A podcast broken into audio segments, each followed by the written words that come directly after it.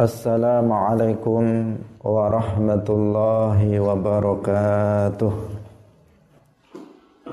Kita masih membahas tentang perkara-perkara yang telah dikhabarkan oleh Rasulullah sallallahu alaihi wasallam akan terjadi pada hari kiamat yang wajib bagi kita umat Islam untuk membenarkan semuanya itu karena Rasulullah Shallallahu Alaihi Wasallam telah mengkhabarkannya kepada kita. Telah kita sebutkan pada pertemuan sebelumnya bahwa kiamat itu dimulai dari Al-ba'thu, keluarnya orang-orang yang mati dari dalam kubur sampai penduduk surga. Orang-orang mukmin masuk ke dalam surga dan penduduk neraka, orang-orang kafir masuk ke dalam neraka. Itu namanya hari kiamat. Nah, di sana melalui beberapa tahapan di antaranya al-ba'thu, keluarnya ahli kubur dari kuburnya, al-hasyru digiring dan dikumpulkannya manusia di mahsyar. Kemudian yang berikutnya adalah hisab yaitu hari di mana amal perbuatan manusia diperlihatkan ditunjukkan kepada manusia. Manusia harus mempertanggungjawabkan setiap amal yang dia lakukan sekecil apa pun kemudian ada pahala, ada azab. Nah, hari ini kita menjelaskan tentang salah satu yang juga terjadi pada hari kiamat yaitu al-mizan. Mizan artinya adalah timbangan yang dipergunakan untuk menimbang amal perbuatan manusia nanti pada hari kiamat. Jadi mizan adalah timbangan yang dipergunakan untuk menimbang amal perbuatan hamba, amal perbuatan manusia nanti pada hari kiamat. Nah, timbangan tersebut mirip dengan timbangan di dunia. Yaitu dia ada satu tiang di tengah Kemudian ada satu piringan timbangan atau neraca timbangan di kiri dan di kanan. Nah, seperti timbangan yang ada di bumi ini. Tetapi bentuk dan ukurannya sangat besar sekali. Nah, ini namanya al-mizan. Nah, amal perbuatan manusia nanti pada hari kiamat itu akan ditimbang antara amal perbuatan yang baik dan amal perbuatan yang buruk. Amal perbuatan baik diletakkan di satu neraca timbangan dan amal perbuatan yang buruk diletakkan di satu neraca timbangan yang lainnya. Nah, maka manusia ketika ditimbang amal perbuatannya nanti itu terbagi menjadi tiga kelompok. Tapi sebelumnya perlu diketahui bahwa para ulama berbeda pendapat tentang apa yang nanti ditimbang itu. Karena jika amal itu kan merupakan sifat, tidak bisa ditimbang. Sesuatu yang bisa ditimbang itu adalah berupa benda, seperti ini, benda, maka bisa ditimbang. Tapi kalau perbuatan manusia, perkataan manusia, itu bagaimana menimbangnya? Nah, maka para ulama menjelaskan, sebagian ulama mengatakan bahwa yang ditimbang nanti adalah amal perbuatan yang telah dirubah sebelumnya menjadi sebuah benda. Jadi amal perbuatan itu uh, dirupakan oleh Allah seperti benda yang kemudian itu ditimbang nanti pada hari kiamat. Nah, sebagian ulama yang lain mengatakan bahwa yang ditimbang itu adalah buku amalnya. Nah, buku amal yang telah dia terima, yang kemarin telah kita jelaskan, itu yang nanti akan ditimbang pada mizan. Nah, tetapi yang pasti bahwa Allah Maha Kuasa untuk menimbang amal perbuatan manusia yang dilakukan nanti di dunia. Pemirsa Madu TV kaum muslimin rahimakumullah. Manusia ketika ditimbang amal perbuatannya itu terbagi menjadi beberapa secara umum tiga eh, dua dulu eh, dua kelompok dulu yaitu orang kafir dan orang mukmin. Orang kafir itu nggak memiliki kebaikan sama sekali. Yang dia miliki itu hanya keburukan saja. Orang kafir tidak memiliki kebaikan sama sekali. Yang dia miliki hanya keburukan saja. Karena orang kafir itu amal perbuatan yang baik yang dia lakukan itu tidak diterima oleh Allah Subhanahu wa taala. Kalau ada orang kafir misalnya membangun masjid, ada orang kafir bersedekah, ada orang kafir misalnya uh, membangun pondok pesantren, menyantuni anak yatim, maka amal ini tidak diterima oleh Allah, tidak ada pahalanya. Sehingga nanti di akhirat seorang kafir itu tidak memiliki kebaikan satu pun. Gak ada sedikit pun kebaikan yang mereka dapatkan. Nah, karena amal kebaikan yang dilakukan oleh seorang kafir itu sudah dibalas di dunia. Dalam hadis disebutkan wa ammal kafiru fayut'amu bihasanatihi fid dunya. Sedangkan orang kafir itu kebaikan-kebaikannya itu sudah di uh, sudah dibalas di dunia. Dia diberi makan di dunia itu sebagai balasan atas kebaikan yang dilakukan. Hatta idza afdha ilal akhirah falaisa lahu minha nasib. Nah, sehingga ketika dia telah sampai di akhirat nanti, maka dia tidak memiliki bagian sedikit pun dari kebaikan yang dia lakukan karena sudah diberikan di dunia. Itu kalau orang kafir. Sehingga apa? Orang kafir di akhirat satu pun tidak mempunyai kebaikan. Nah, maka ketika amal perbuatan mereka ditimbang, Berarti neraca timbangan yang berisi kebaikan ini kosong. Sementara neraca timbangan yang berisi keburukan itu penuh. Uh, penuh dengan keburukan. Nah, maka berarti apa? Kalau timbangan ya anjret. Anjretnya anjret kepada keburukan. Nah, sehingga orang kafir ini langsung masuk ke neraka. Ini untuk orang kafir. Kemudian yang kedua, orang mukmin, orang Islam, orang yang mati dalam keadaan muslim. Orang yang mati dalam keadaan beriman. Maka di sini ada tiga kelompok. Yang pertama adalah orang-orang yang soleh. Orang-orang yang bertakwa, yang senantiasa menjalankan kewajiban dan senantiasa meninggalkan perkara yang diharamkan. Maka ketika amal perbuatannya ditimbang, jadi perlu kita ketahui bahwa orang mukmin pasti punya kebaikan. Jadi orang mukmin sebejat-bejatnya orang mukmin itu punya kebaikan. Kenapa?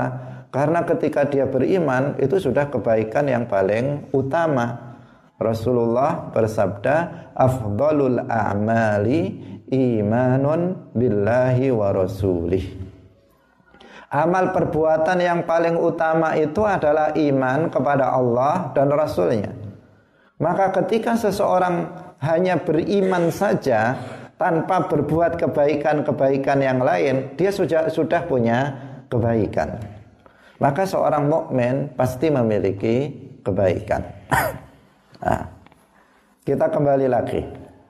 orang mukmin yang soleh, yang bertakwa, maka ketika ditimbang amal perbuatan yang baik diletakkan di satu neraca dan saat amal perbuatan buruk diletakkan di neraca yang lain, maka di sini apa? Kebaikannya mengungguli keburukannya.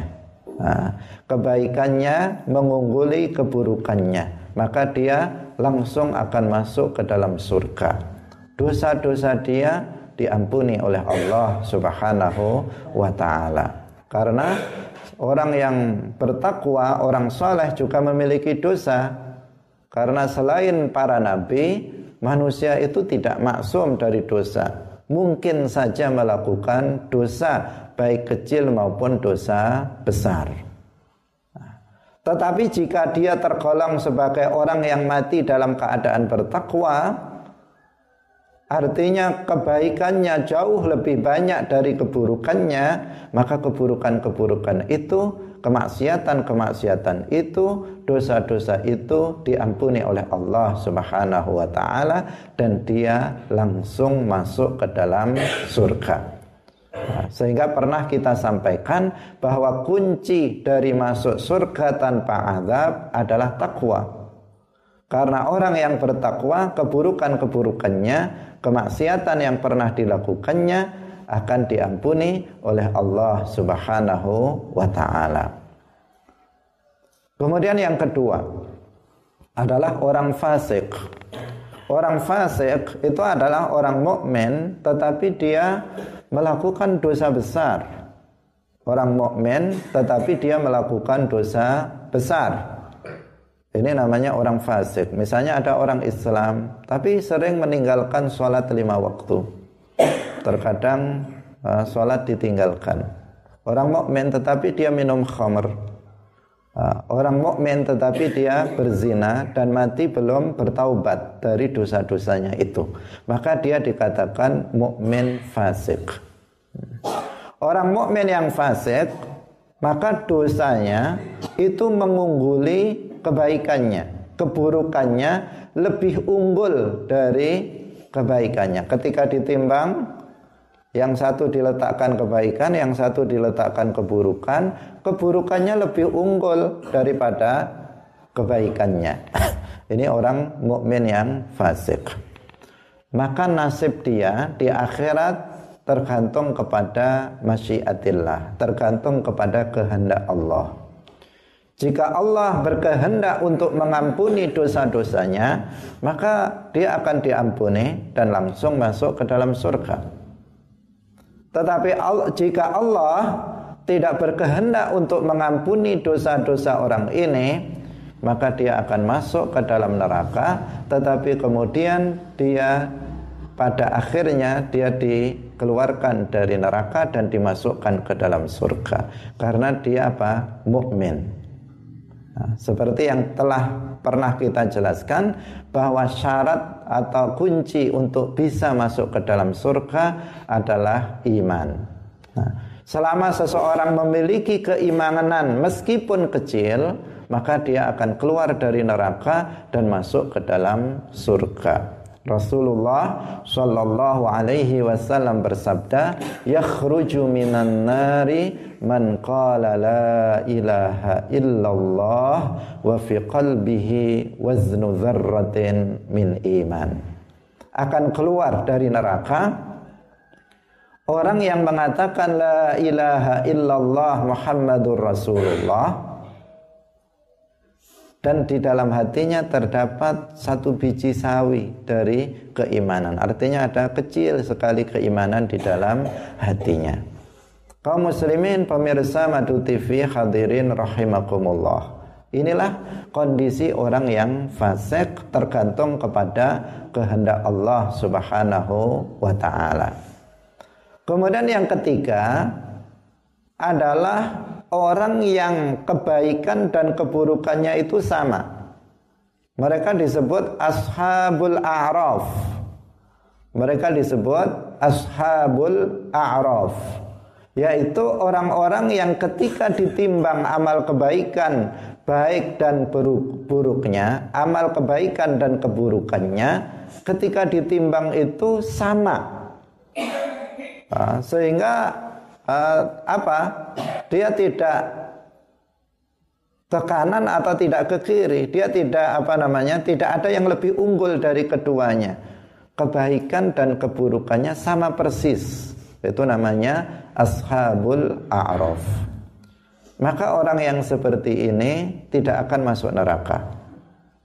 Tetapi dia akan menunggu di pagar surga yang namanya a'raf. A'raf itu adalah pagar surga. Dia akan menunggu di pagar surga uh, sampai orang-orang soleh itu telah masuk ke dalam surga seluruhnya baru kemudian dia masuk ke dalam surga. Jadi dia tidak langsung masuk surga dan juga tidak masuk ke dalam neraka. Dia menunggu terlebih dahulu di pagar surga sampai orang-orang soleh, orang-orang yang bertakwa seluruhnya masuk ke dalam surga, baru kemudian orang ini masuk ke dalam surga. Kaum muslimin pemirsa rahimakumullah. Nah, tetapi harus diingat di sini kita tidak boleh kemudian mengatakan kalau begitu saya jadi ashabul a'raf saja. Jadi kebaikan saya lakukan, keburukan juga saya lakukan. Amal soleh saya lakukan, maksiat juga saya lakukan. Ketaatan saya lakukan, kemaksiatan juga aku lakukan. Jalan terus, pokoknya dua-duanya lah. Habis sholat kemudian bermaksiat, habis bermaksiat kemudian sodakoh, pokoknya saya samakan nanti biar jadi ashabul a'raf. Nggak masuk neraka uh, tapi sabar sebentar kemudian masuk ke dalam surga. Nah, tidak bisa seseorang berprinsip seperti itu. Kenapa? Karena kemaksiatan itu maksiat.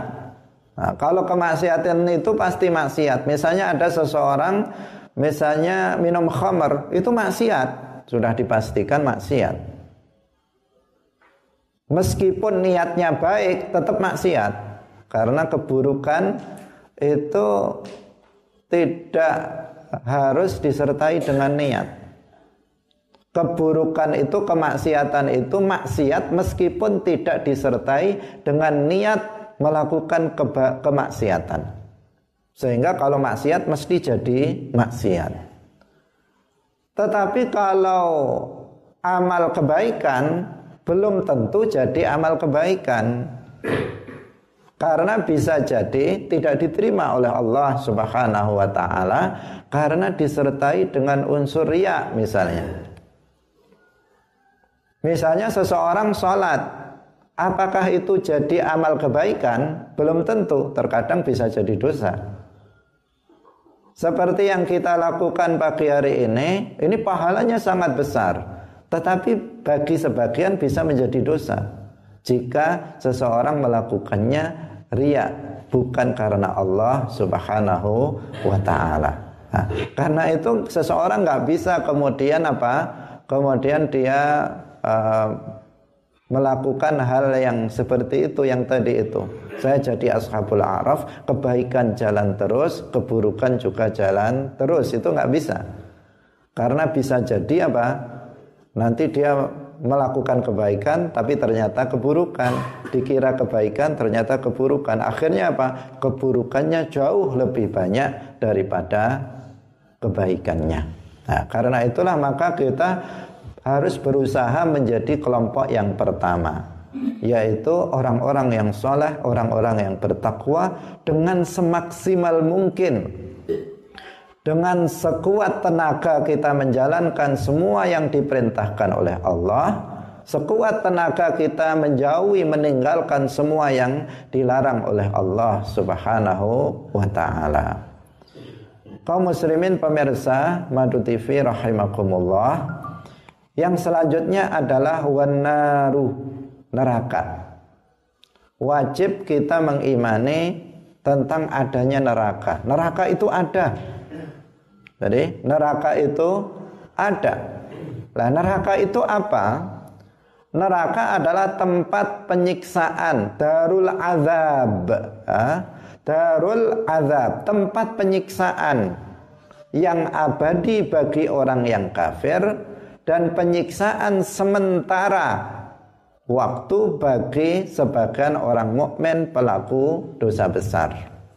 Jadi neraka itu pada pokoknya apa? Darul azab. Tempat penyiksaan. Bagi orang kafir azab di neraka itu adalah selama-lamanya, tidak ada akhirnya. Itu bagi orang kafir.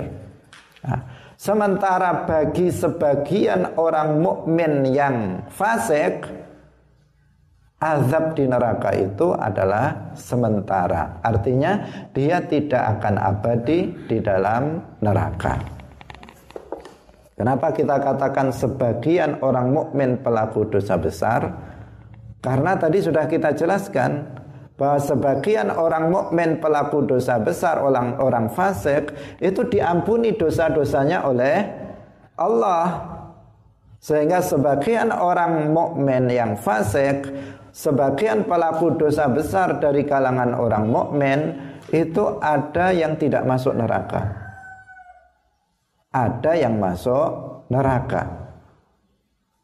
Nah, sehingga bagi sebagian orang mukmin fasik pelaku dosa besar yang dosanya tidak diampuni oleh Allah maka dia akan mendapatkan azab neraka tetapi tidak abadi tidak selamanya dia diazab di neraka tetapi untuk sementara waktu pemirsa yang dirahmati oleh Allah Subhanahu wa taala jadi neraka itu adalah darul azab. Nah, karena itu harus hati-hati sebagian orang menggunakan bahasa-bahasa yang tidak tepat. Nah, menggunakan bahasa yang tidak tepat. Ada sebagian orang yang mengatakan neraka itu adalah tempat untuk men menyuci, uh, untuk menyucikan dosa seseorang, uh, untuk membersihkan Nah, seakan-akan nah, neraka itu adalah laundry, tempat cucian. Nah, seakan-akan seperti itu. Jadi bukan dicuci, di neraka itu disiksa. Nah, lafadznya itu darul azab. Disiksa, dibakar. Nah, dan sebagainya. Azab-azab yang sangat banyak. Nah, jadi darul azab di semua kitab menunjukkan seperti itu di Al-Quran, di hadis menunjukkan azabun nar, azab neraka, siksa neraka. Nah, bukan apa? Tempat untuk mencuci. Juga bukan rumah sakit. Sebagian orang ada yang menggambarkan itu rumah sakit.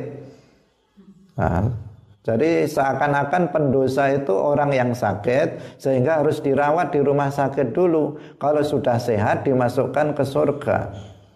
Ini juga kurang tepat karena di rumah sakit itu dilayani, diberi minum, diberi makan, kan seperti itu di rumah sakit.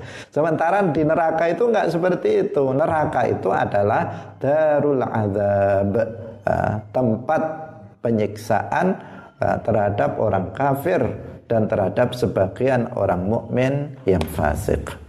Nah, pemirsa kaum muslimin rahimakumullah, neraka sekarang sudah ada, sudah diciptakan oleh Allah Subhanahu wa taala. Di dalam Al-Qur'an disebutkan wa'iddat lil kafirin dan neraka itu sudah dipersiapkan untuk orang-orang kafir. Kalau telah dipersiapkan, artinya sudah ada karena sudah siap. Sesuatu yang sudah siap berarti sudah ada. Seperti kita mengatakan misalnya makanan sudah siap, berarti sudah ada. Nah, sudah ada tinggal makan. Nah, dalam Al-Quran disebutkan O'iddat lil kafirin Neraka itu sudah disiapkan untuk orang kafir Artinya neraka itu sudah ada Maka kita meyakini bahwa neraka sudah ada sudah makhlukatun, sudah diciptakan oleh Allah Subhanahu wa taala. Bukan akan diciptakan nanti bukan, tetapi sekarang neraka sudah ada. Nah, di mana letaknya? Yaitu di bawah bumi ketujuh tanpa menempel pada bumi yang ketujuh. Allah Subhanahu wa taala menciptakan bumi sebanyak tujuh buah. Bukan tujuh lapis, tetapi tujuh buah. Karena ada yang memahami seperti kue lapis, bumi itu tujuh lapis. Bumi itu tujuh buah, ada bumi satu, bumi dua, bumi tiga, bumi empat, sampai bumi yang ketujuh. Ada tujuh, tujuh bumi. Nah, tujuh bumi itu di bawahnya tanpa menempel dengan bumi yang ketujuh itu adalah letak, letak neraka. Bukan di dalam bumi ini. Nah, karena sebagian ada yang menggambarkan di internet-internet digambarkan bahwa neraka itu ada di dasar bumi ini. Nah, itu tidak tidak benar. Neraka itu ada di bawah bumi ketujuh, bukan di bumi ketujuh, tetapi di bawahnya bumi ketujuh tidak menempel dengan bumi yang ketujuh. Nah, di sanalah letak neraka yang akan di apa namanya diperuntukkan untuk orang-orang yang kafir. Nah, kaum muslimin pemirsa yang dirahmati oleh Allah Subhanahu wa taala. Kemudian juga wajib kita yakini bahwa neraka itu abadi. Penduduk neraka yaitu orang-orang kafir itu juga abadi. Jadi kalau kita sebut penduduk neraka maknanya adalah orang-orang kafir. Ketika kita sebut penduduk surga, maka maknanya adalah orang-orang mukmin. Nah, penduduk neraka itu akan abadi di dalam neraka selama-lamanya. Tidak boleh seseorang meyakini bahwa neraka itu akan punah. Karena ada sebagian kelompok tokohnya adalah Ibnu Taimiyah dan diikuti oleh kelompok Wahabi itu meyakini bahwa neraka itu akan punah sehingga penduduknya akan keluar dari neraka. Nah, keyakinan seperti ini adalah keyakinan yang sangat buruk.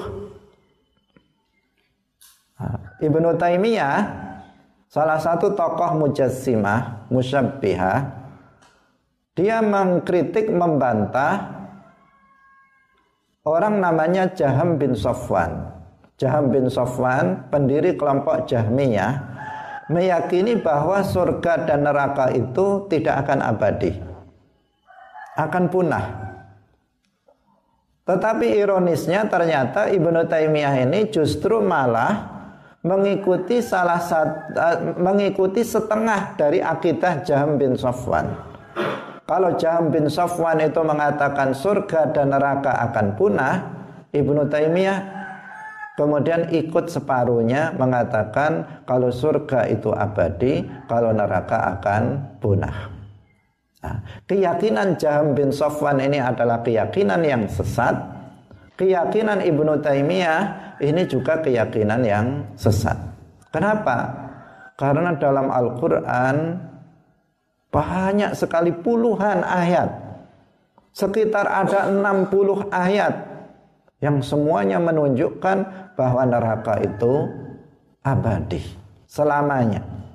Orang kafir itu akan diazab di neraka selamanya tidak akan punah. Misalnya ayat uh, Allah Subhanahu wa taala berfirman, "Innallaha la'anal kafirina wa a'adda lahum sa'ira khalidina fiha abada. La yajiduna waliya wala nasira. Nah, sesungguhnya Allah melaknat orang-orang kafir dan telah menyiapkan untuk mereka neraka. Yang mereka khalidina fiha mereka itu abadi di dalamnya ditambah lagi abada selama-lamanya untuk memperkuat bahwa betul-betul orang kafir itu abadi di dalam neraka. Dalam ayat lain ditegaskan dengan lafat yang lain. Kalau dengan lafat ini jumlahnya banyak dalam Al-Quran. Mungkin kita yang sering baca Al-Quran sering mendengar lafat ini khalidina fiha abada sering. Karena apa? Banyak sekali ayat yang menegaskan bahwa neraka itu abadi dan penduduknya orang-orang kafir itu abadi di dalamnya.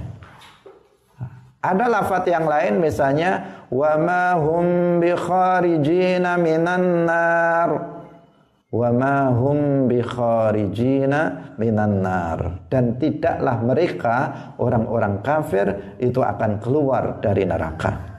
Artinya orang kafir dia akan abadi di dalam neraka. Inilah keyakinan ahlus sunnah wal jamaah. Nah, hati-hati dengan keyakinan yang menyimpang dari ini bertentangan dengan ayat Al-Quran, bertentangan dengan hadis.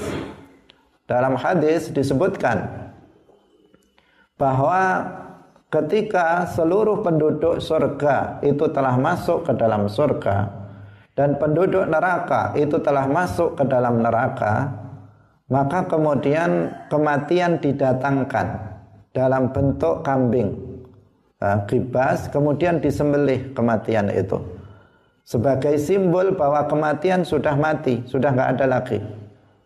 Nah, kemudian diserukan kepada penduduk surga, khuludun la maut, khuludun la maut khuludun la maut. Abadi tidak akan ada kematian lagi. Nah, sehingga penduduk surga bertambah gembira ketika mendengar seruan ini. Nah, dan juga diserukan kepada orang kepada apa penduduk neraka. Khuludun la maut khuludun la maut khuludun la maut. Abadi tidak akan ada kematian lagi maka orang-orang kafir penduduk neraka semakin sedih uh, mendengar ini karena mereka mengetahui bahwa azab yang mereka dapatkan tidak akan pernah berhenti selama-lamanya. Wala'iyadzubillah.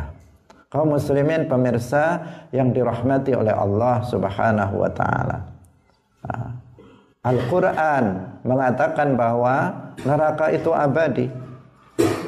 Hadis mengatakan bahwa bahwa neraka itu abadi. Ijma dari umat Islam, kesepakatan dari seluruh umat Islam juga mengatakan bahwa neraka itu abadi. Maka jika ada seseorang yang mengatakan neraka itu tidak abadi, maka perkataan ini perkataan yang tidak mu'tabar, perkataan yang sampah yang tidak bisa digunakan yang tidak bisa didengar, tidak bisa dipercaya. Nah, kaum muslimin pemirsa rahimakumullah. Yang selanjutnya adalah as-sirat. Nah, as-sirat. Sirat adalah jembatan. Nah, as-sirat adalah jembatan. Yaitu jembatan yang dibentangkan di atas neraka jahanam Salah satu ujungnya ada di al-ardul mubaddalah. Bumi yang pengganti setelah bumi ini dihancurkan dan ujung yang lain itu di tempat sebelum surga. Nah, jadi ini ini namanya sirat atau jembatan. Jembatan ini dibentangkan di atas neraka jahanam. Artinya kalau jatuh ya jatuh ke neraka. Nah, jembatan yang dibentangkan di atas neraka jahanam, satu ujungnya itu di bumi yang telah eh, bumi pengganti dari bumi ini. Karena setelah manusia itu dibangkitkan dari kuburnya, nah, jadi setelah manusia dibangkitkan dari kuburnya di bumi ini, karena karena kita dikuburkan di bumi ini, bumi yang ada sekarang ini. Setelah manusia itu dibangkitkan dari dalam kuburnya, kemudian manusia ini dipindahkan di tempat gelap di dekat sirat. Di, di tempat yang gelap di dekat sirat. Setelah itu bumi ini dihancurkan oleh Allah Subhanahu wa taala. Setelah itu Allah Subhanahu wa taala membuat bumi yang baru. Allah menciptakan bumi yang baru yang biasa disebut dengan al-ardu al-mubaddalah. Al-ardu al-mubaddalah. Nah, bumi pengganti dari bumi ini. Bumi baru ini sifat-sifatnya tidak sama dengan bumi kita ini. Kalau bumi kita ini ada gunungnya, ada jurangnya, ada lembahnya, ada sungainya, ada lautnya. Tetapi kalau bumi yang baru ini itu tidak. Dia datar, tidak ada gunung, tidak ada lembah, tidak ada sungai, tidak ada laut. Nah, semuanya tanah nah, yang datar berwarna putih. Nah, berwarna putih seperti perak. Itu bumi yang baru. Di situlah manusia kemudian apa namanya dihisap di tempat itulah di bumi yang baru inilah manusia kemudian dikumpulkan dan dihisap oleh Allah Subhanahu wa taala. Nah, as itu adalah jembatan. Jembatan yang satu ujungnya itu berada di bumi yang baru ini al-ardul mubaddalah Kemudian satu ujungnya lagi itu di tempat sebelum surga, di bawahnya itu adalah neraka.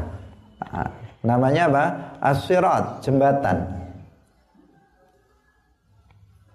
Tapi penyebutannya bukan asyiratul mustaqim. Nah, sirat saja. Karena salah kaprah sebagian orang menyebutnya kita menyeberang siratul mustaqim. Nah. Kalau siratul mustaqim dalam ayat ihdinas siratal mustaqim itu artinya agama Islam. Jalan yang lurus itu agama Islam. Bukan sirat yang dilewati nanti pada hari kiamat. Nah, yang nanti dilewati pada hari kiamat itu as-sirat saja tanpa mustaqim. Nah, jadi sirat. Nah, jadi semua orang itu nanti akan melewati sirat. Orang kafir dan orang mukmin semuanya harus menyeberangi sirat itu. Orang yang menyeberangi sirat nanti tergantung kepada amal perbuatannya. Karena sirat ini ini luas tetapi licin. Perkataan sebagian sahabat yang mengatakan bahwa as-siratu ahaddu minas sayif wa adaqqu minas sya'rah. Ini tidak uh, tidak dalam makna yang hakiki. Perkataan sebagian sahabat yang mengatakan bahwa sirat itu lebih lembut dari rambut dan lebih tajam daripada pedang ini maknanya bukan hakikat dari benda sirat itu lebih kecil dari rambut, enggak. Nah. Karena disebutkan dalam hadis bahwa sirat itu adalah tahdun mazallah. Nah, luas tetapi licin. Nah, luas tetapi apa? Sangat licin yang bisa menggelincirkan kaki yang melewatinya. Adapun makna perkataan dari sebagian sahabat yang tadi kita sebutkan, adaku minasya'rah wa ahaddu minas saif, maknanya adalah lisyiddati khatariha. Ah, lisyiddati khatarihi karena sangat bahayanya melewati sirat ini sehingga digambarkan seperti itu. Jadi itu menggambarkan betapa berbahayanya melewati sirat ini. Nah, sebagaimana kalau orang rambut, bagaimana apa ada orang bisa melewati sebuah rambut menyeberangi?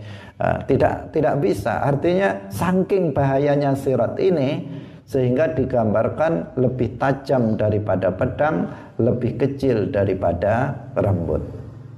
Tetapi hakikat dari benda sirat itu tidak seperti itu.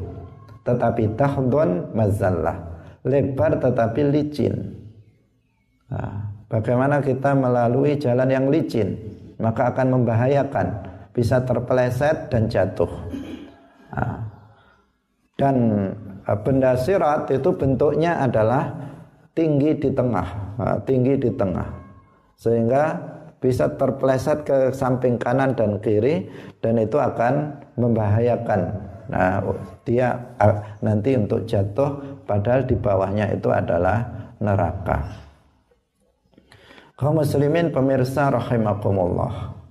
Dan jatuhnya bukan pendek. Nah, bukan pendek. Neraka ada jauh di bawah. Yang untuk jatuh sampai ke dasar neraka itu diperlukan waktu 70 tahun perjalanan. Nah, jadi sangat dalam, neraka sangat dalam jika dilihat dari sirat. Kaum muslimin pemirsa rahimakumullah. Orang yang melalui sirat ini itu terbagi menjadi beberapa kelompok.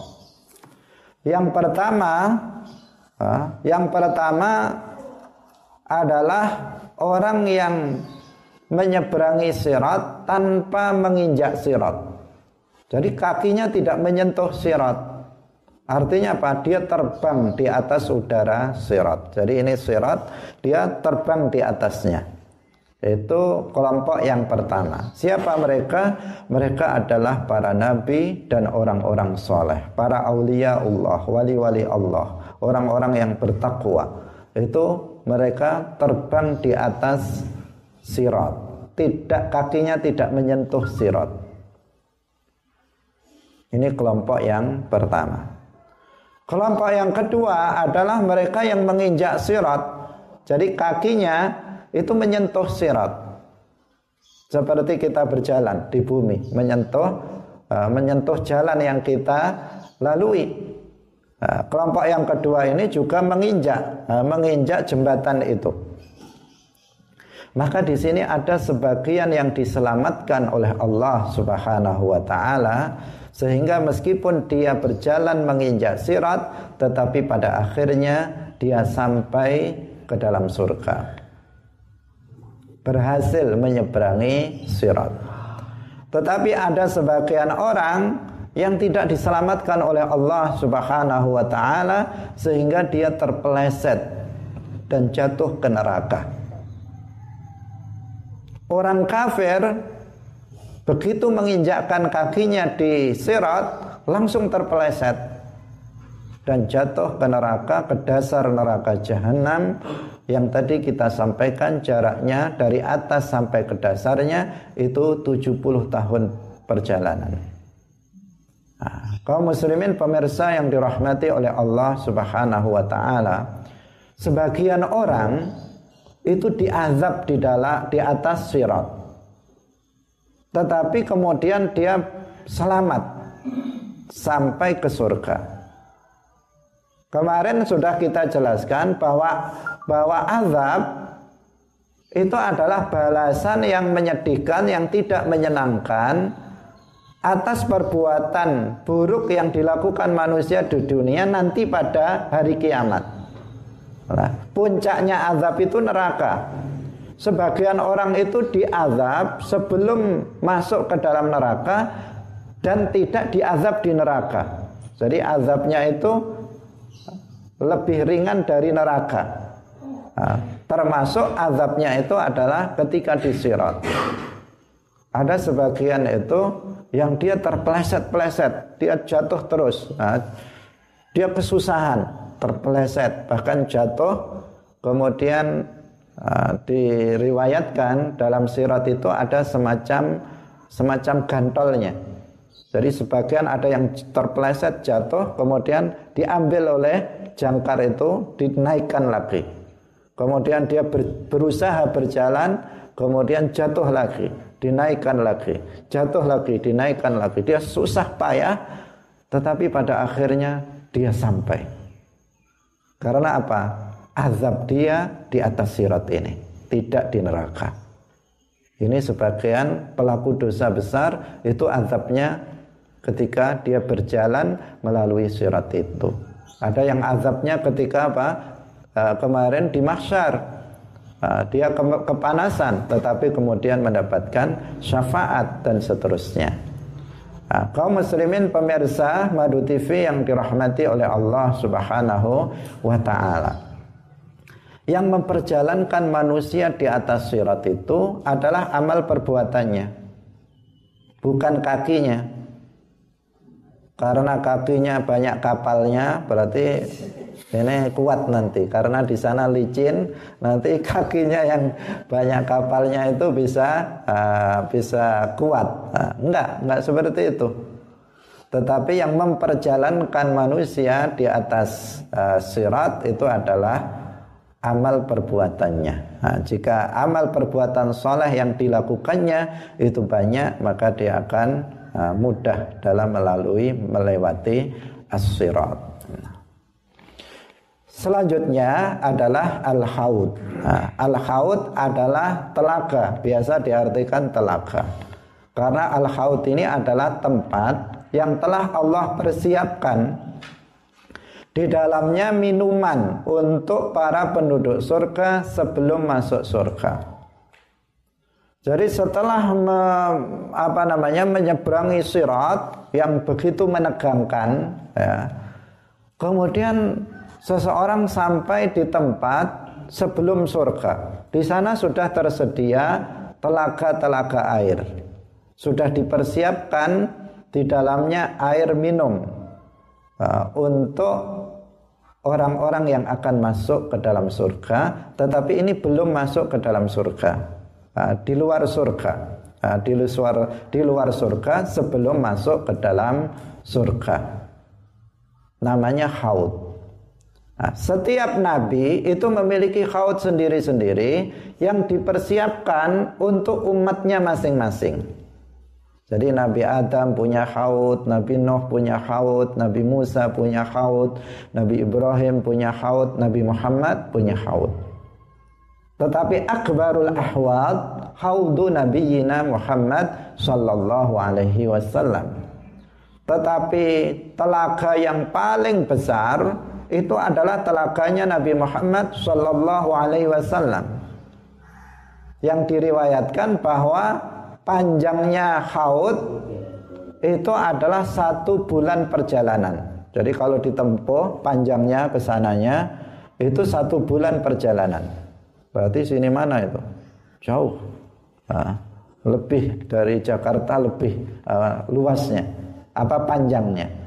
Lebarnya itu juga satu bulan perjalanan. Artinya sangat luas khautnya Nabi Muhammad Sallallahu Alaihi Wasallam. Dan di atasnya itu sudah tersedia cangkir-cangkir, gelas-gelas untuk minum yang jumlahnya sebanyak bintang di langit. Nah, artinya apa? Artinya nggak perlu berebut, nah, semuanya sudah tersedia cukup, nah, minumannya cukup, kemudian apa? Nah, gelas-gelasnya cangkir-cangkirnya juga juga sudah cukup untuk umat Nabi Muhammad Sallallahu Alaihi Wasallam di yang akan minum yang akan memasuki surga. Karena penduduk surga itu kebanyakan umatnya Nabi Muhammad. Penduduk surga itu nanti akan masuk berkelompok-kelompok. Jumlahnya ada 120 saf ada 120 kelompok. Yang 80 kelompok, 80 saf itu adalah umatnya Nabi Muhammad sallallahu alaihi wasallam. Sementara yang 40 saf itu adalah dibagi umat-umat Nabi sebelumnya. Artinya apa? Umat Nabi Muhammad itu menjadi penduduk surga yang terbanyak. Nah, nanti di dalam uh, di akhirat nanti. Nah, kaum muslimin pemirsa yang dirahmati oleh Allah Subhanahu wa taala, setiap orang yang meminum dari minuman di khaut ini itu tidak akan pernah merasa haus lagi. Jadi begitu minum itu sudah setelah itu nggak pernah merasa dahaga, nggak pernah haus. Kenapa? Karena air haud itu adalah air yang dialirkan dari dalam surga. Jadi air haud itu dia ada di luar surga, tetapi airnya itu dialirkan dari dalam surga. Sehingga orang yang meminum dari telaga haud ini, dari haud ini, telaga ini, itu sudah nggak pernah merasa haus lagi selama-lamanya. Kemudian muncul pertanyaan, lalu kenapa orang penduduk surga minum di dalam surga? Jawabannya adalah taladzuzan. Hanya sekedar untuk bersenang-senang saja, berenak-enak, bernikmat-nikmat, bukan karena haus. Pendekatannya misalnya di dunia ini, apakah setiap kita minum itu karena haus? Seringkali enggak. Kita sudah minum banyak tadi di rumah, kemudian di jalan lihat es. Es tep, apa es tebu atau es degan atau es buah misalnya. Kemudian kita ingin membelinya. Untuk apa kita membelinya? Hanya untuk bersenang-senang saja. Bukan karena haus. Nah, di dalam surga orang minum Ah, dengan minuman-minuman insya Allah nanti kita ceritakan itu bukan karena haus tetapi untuk bersenang-senang. Kenapa? Ketika manusia minum dari air haud di telaga ini itu sudah tidak akan merasakan kehausan lagi selama-lamanya. Karena air haud diambil dialirkan dari dalam surga. Kaum muslimin pemirsa yang dirahmati oleh Allah Subhanahu wa taala, inilah beberapa uh, hal yang harus kita yakini. Uh, insya Allah masih ada lagi beberapa hal yang harus kita yakini terkait dengan hari kiamat, yaitu syafaat, kemudian surga. Insya Allah akan kita bahas uh, besok. Uh, semoga uh, Allah Subhanahu wa taala memasukkan kita semuanya ke dalam surga Allah Subhanahu wa taala dan membebaskan kita dari azab neraka. Semoga bermanfaat. Wallahul muwaffiq ila aqwamit thoriq. Wassalamualaikum warahmatullahi wabarakatuh.